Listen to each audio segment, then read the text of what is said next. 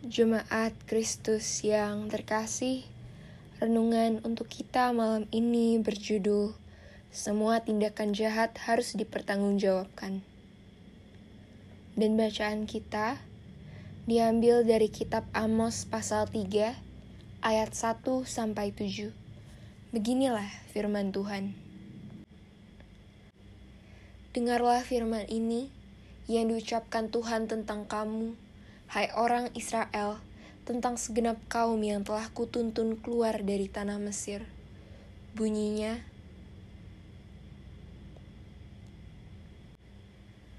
Hanya kamu yang kukenal dari segala kaum di bumi ini. Sebab itu, aku akan menghukum kamu karena segala kesalahanmu. Berjalankah dua orang bersama-sama jika mereka belum berjanji? Mengaumkah seekor singa di hutan apabila tidak mendapat mangsa? Bersuarakah singa muda dari sarangnya jika belum menangkap apa-apa? Jatuhkah seorang burung ke dalam perangkap di tanah apabila tidak ada jerat terhadapnya? Membingkaskah perangkap dari tanah jika tidak ditangkapnya sesuatu? Adakah sangkakala ditiup di suatu kota dan orang-orang tidak gemetar? Adakah terjadi malapetaka di suatu kota dan Tuhan tidak melakukannya? Sungguh, Tuhan Allah tidak berbuat sesuatu tanpa menyatakan keputusannya kepada hamba-hambanya, para nabi.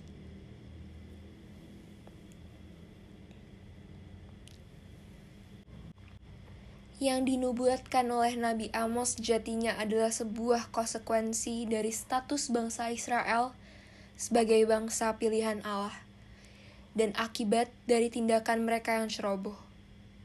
Allah marah terhadap kesalahan Israel bukan karena tidak mengasihi mereka. Justru karena Allah begitu mengasihi Israel, maka Allah ingin kesalahan mereka di stop dan mereka dididik untuk mengerjakan apa yang benar di hadapan Allah. Jadi, hukuman bangsa Israel dalam konteks nubuatan Nabi Amos datang karena kesalahan mereka sendiri. Bangsa Israel harus mempertanggungjawabkan kesalahan yang sudah mereka lakukan. Kalau bangsa Israel saja yang notabene bangsa pilihan Tuhan, tetap tidak luput dari penghukuman karena kesalahan yang mereka buat. Bagaimana mungkin kita dengan percaya diri tidak akan ditegur Tuhan ketika melakukan sebuah kesalahan? Kita merasa karena sudah diampuni dosanya hidup dengan sembarangan, menganggap nanti Tuhan ampuni lagi. Bila pikiran kita seperti itu, celakalah kita. Sebab Kristus sendiri mengingatkan kita bahwa ketika kita sudah tahu akan anugerah dan pengampunan, justru kesalahan selanjutnya yang kita lakukan secara sadar akan mendapatkan konsekuensi yang lebih berat.